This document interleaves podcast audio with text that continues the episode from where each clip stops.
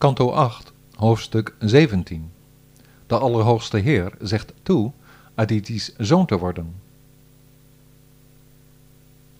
Sri Shukazai. Al dus van advies gediend door haar echtgenoot Kashyapa, o koning, leefde Aditi, trouw aan wat hij haar gezegd had, onafgebroken deze gelofte twaalf dagen lang na.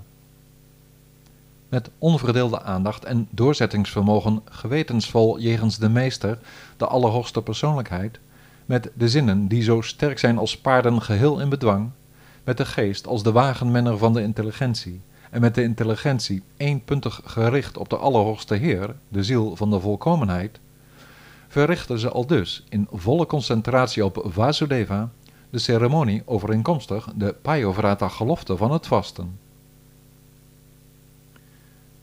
De Allerhoogste Heer, de oorspronkelijke persoon, verscheen toen aan haar, mijn beste, gekleed in het geel en met zijn vier armen waarmee hij de schelp, de chakra, de knots en de lotusbloem omhoog hield.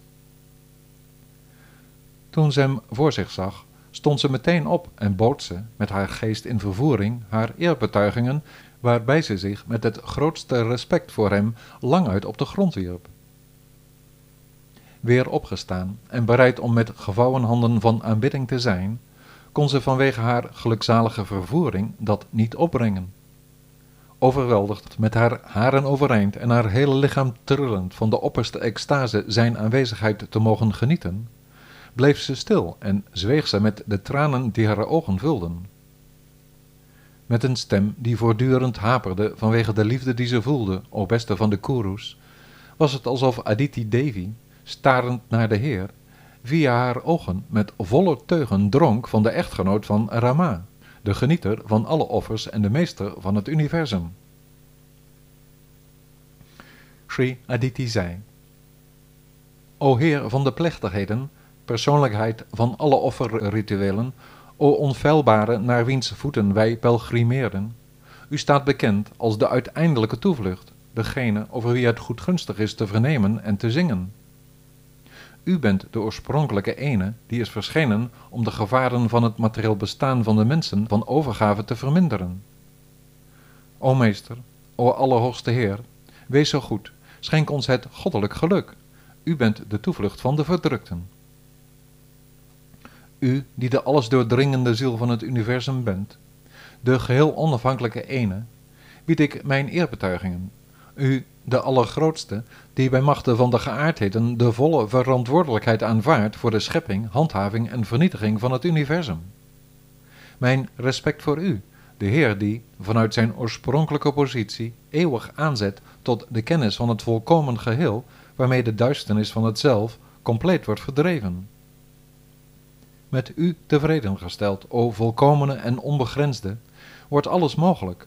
Een leven zolang als dat van Brahma, een bepaald lichaam, een geliefde, onbegrensde materiële werelden in de hogere, lagere en tussenwerelden, al de acht siddhi-yoga-kwaliteiten, de verwezenlijking van de drie doelen van Kama, Artha en Dharma en exclusieve geestelijke kennis, om nog maar te zwijgen van zaken als het verslaan van menselijke mededingers.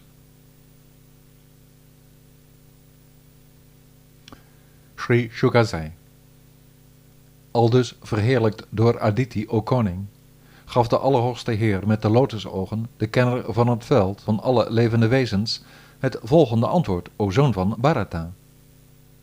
De Allerhoogste Heer zei, O moeder van de goden, ik heb begrip voor uw lang volgehouden verlangen met betrekking tot uw zoons die werden verslagen door hun rivalen en verdreven uit hun verblijfplaats.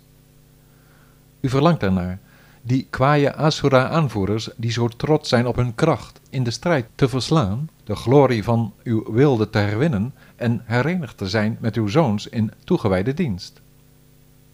U zou graag de tranen zien van de treurende vrouwen van de vijanden als zij ze vinden, door uw zoons gedood in de strijd onder leiding van Indra het herstel van de volle glorie, reputatie en wilde van uw nakomelingen, hun levensvreugde en een plaats voor hen in de hemel, is wat u graag wil zien. Al die Asura-krijgsheren zijn nu zo goed als onoverwinnelijk, o Devi. Ik ben van mening dat geen enkel gebruik van geweld u het geluk zal brengen, want ze genieten allen de bescherming van de Brahmanen die mijn gunst genieten. Niettemin moet ik er iets op zien te vinden, o Devi, want ik ben zeer tevreden over de gelofte die u in acht nam. Iemand die mij aanbidt, verdient het nooit dat zijn geloof vruchteloos is, maar leidt tot het verlangde resultaat. Omdat u, trouw in uw boete, met de zoon van Marichi, Kashyapa Muni, voor het heil van uw zoons, mij hebt aanbeden met de Payovrata gelofte, en zo goed u kan naar behoren gebeten hebt, zal ik uw zoon worden met een volkomen deelaspect van mezelf, en aldus uw andere zonen beschermen. O lieve vrouw, aan mij denkend als ook aanwezig in de gedaante van uw echtgenoot, slaap met hem, de vlekkeloze Prajapati. Vertel dit niet aan anderen, zelfs niet als iemand erom vraagt, o dame. Alles zal succesvol verlopen als dat wat vertrouwelijk is met de goden geheim wordt gehouden.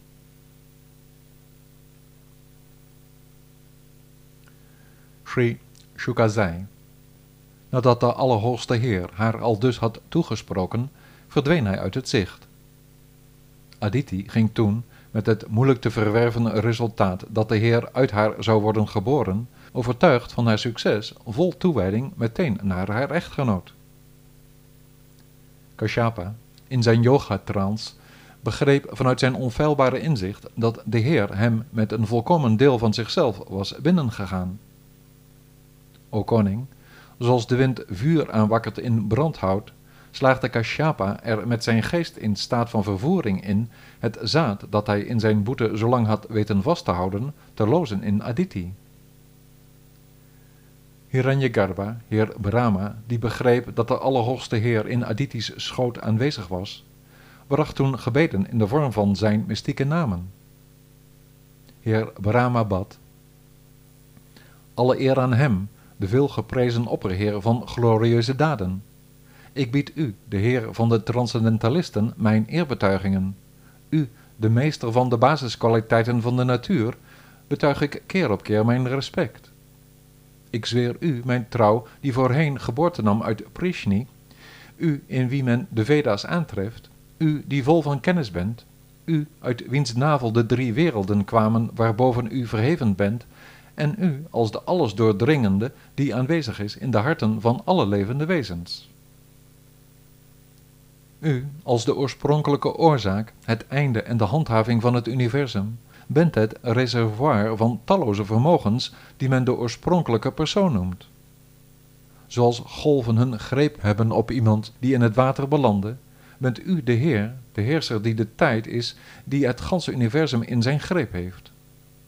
U inderdaad bent van allen die leven, of ze zich nu rondbewegen of niet, degene die hen dat leven schonk.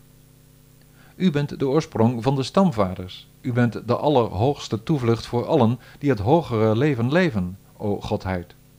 Voor al de godsbewusten die ten val kwamen, bent u de reddingboot in hun verdrinkingsnood.